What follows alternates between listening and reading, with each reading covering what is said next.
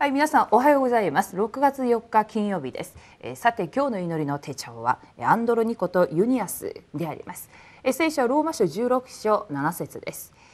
えー、私の同国人で私と一緒に投獄されたことのあるアンドロニコとユニアスにもよろしく。この人々は人たちの間によく知られている人々でまた私より先にキリストにあるものとなったのです。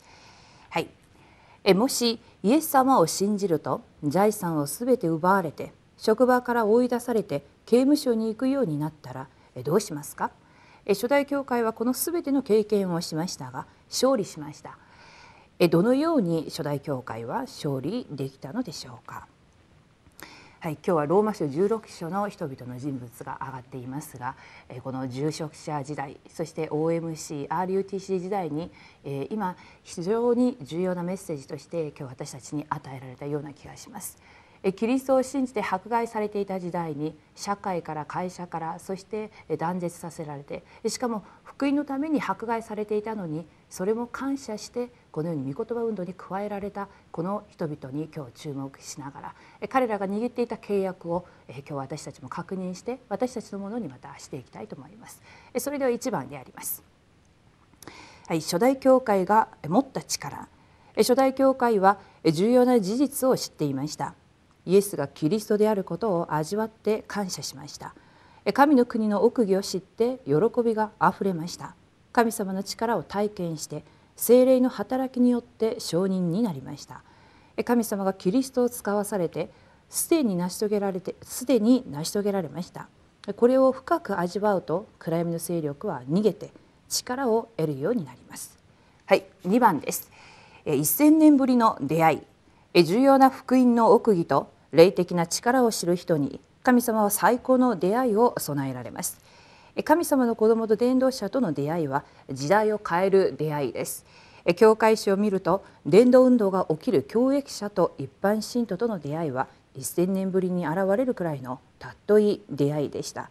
多くの学者たちがアンドロニコとユニアスは夫婦だと言います。アンドロニコは王族でした。このような人材が伝道者パウロに出会ってパウロに同国人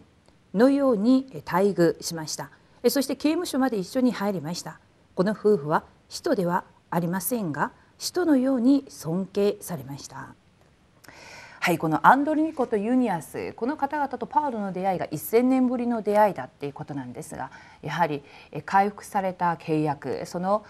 イエスはキリストこの全ての問題の解決者っていうこの契約が回復された中での、えー、尊い出会いだったと思います。え私たちが教会に皆さんは住職者でしょうか？それともレムナント？または伝道者の方々でしょうか、え私たちが教会にいる、えこの信徒一人一人が本当に貴重な出会いであるということを今日もう一度感謝して回復しなくてはならないと思います。弱く見えたり欠けてる部分があるとしてもそのようなことと関わらず神は契約にあっての出会いを通してこの世界福音化運動をまた導かれております。今日もですね私たちの身の回りの出会いを考えながら本当にまたローマ書16章の出会いこの祝福の中に皆さん全員が入っていただきたいと思います。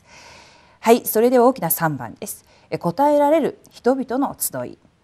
ローマ書16章の人物を見ると彼らが受けた答えによって呼び名がつけられました。サタンがイエス・キリストの足の下にひざまずくようになることと福音の祝福を知る人々が受けた答えです。彼らが一つになりました。そのため初代教会はどんな苦しみがあっても勝利できました。初代教会が勝利するようになった契約を握って祈り続けると精霊に満たされ神様と通じるようになります。その時御言葉が成就され暗闇の勢力は打ち砕かれます。はい、今日ローマ書16章の人々の、え名前で今日祈りの手帳、え読んでいきました、え私たちがですねローマ書16章の答えを受けていかなくてはならないんですがこの RUTC 時代のための新しい始まりの中で住職者としてまたは伝道者としてレムナントとしてこのローマ書16章の人々が握っていた契約それが私たちのものになっていただきたいと思います。時代の福音教会を助けレムナントを助けそして現場伝統と選挙という方向に合わせていた人々その人は結局キリストがキリストとなるその伝道の奥義を握っていたからだと思います。今日も皆さんローマ書16章の人々はまた伝道者としての人生を生きましたただキリストを叫んでいただけではなく人生や職業や自分の丸ごと全てをこの福音運動にかけていた人々であります。私たちも今日一日中伝道者としての人生を生きていただきたいと思います。皆さんがですね祈りながらこのようなローマ書16章このようにニックネームが付けられていましたけれどもぜひレムナント運動の主役そして住職者 RUTC 運動の主役として皆さんぜひ、今日も精霊に満たされることを切に願います。はい。それでは今日のフォーラムです。え今日の今日を最高の日にする方法は今日私の現場を考えながら私に与えられる神様の御言葉を黙想し祈りの課題を発見することです。今日を最高に味わう実際的な計画を立ててみましょう。はい。皆さん今日の祈りそして今日の御言葉今日の伝道こちら立てているでしょうかこれをですね一つずつ書き込んでいきながら皆様が恵まれた内容をですねそして祈っている内容祈りのまた伝道の対象者こういう部分を書き込んで、えー、空いた時間この間も言いましたように読書や運動やこういうことを、えー、7つの伝道者としてのえこの人生を今日も計画を立てて実践していただきたいと思います。はい、それでは今日お祈りをして祈りの手帳を終わりにしたいと思います。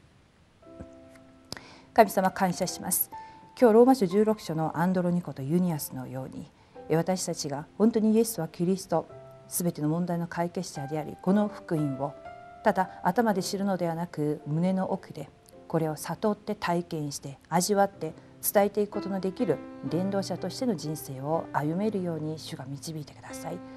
この RUTC 時代のための新しい始まり私たちの過去も現在も未来をすべて新しくされた主の皆を褒めたたえながら今日も一日中主が許された24時間の中で深い祈りができて今日与えられた御言葉を握って祈りの課題を通してそこに神様の御言葉が望まれるまで神の御国が望ま望まれるまで祈れるようにどうか主よう祝福を与えてください。今日一日も主が精霊の導きにあって出会いの祝福を通して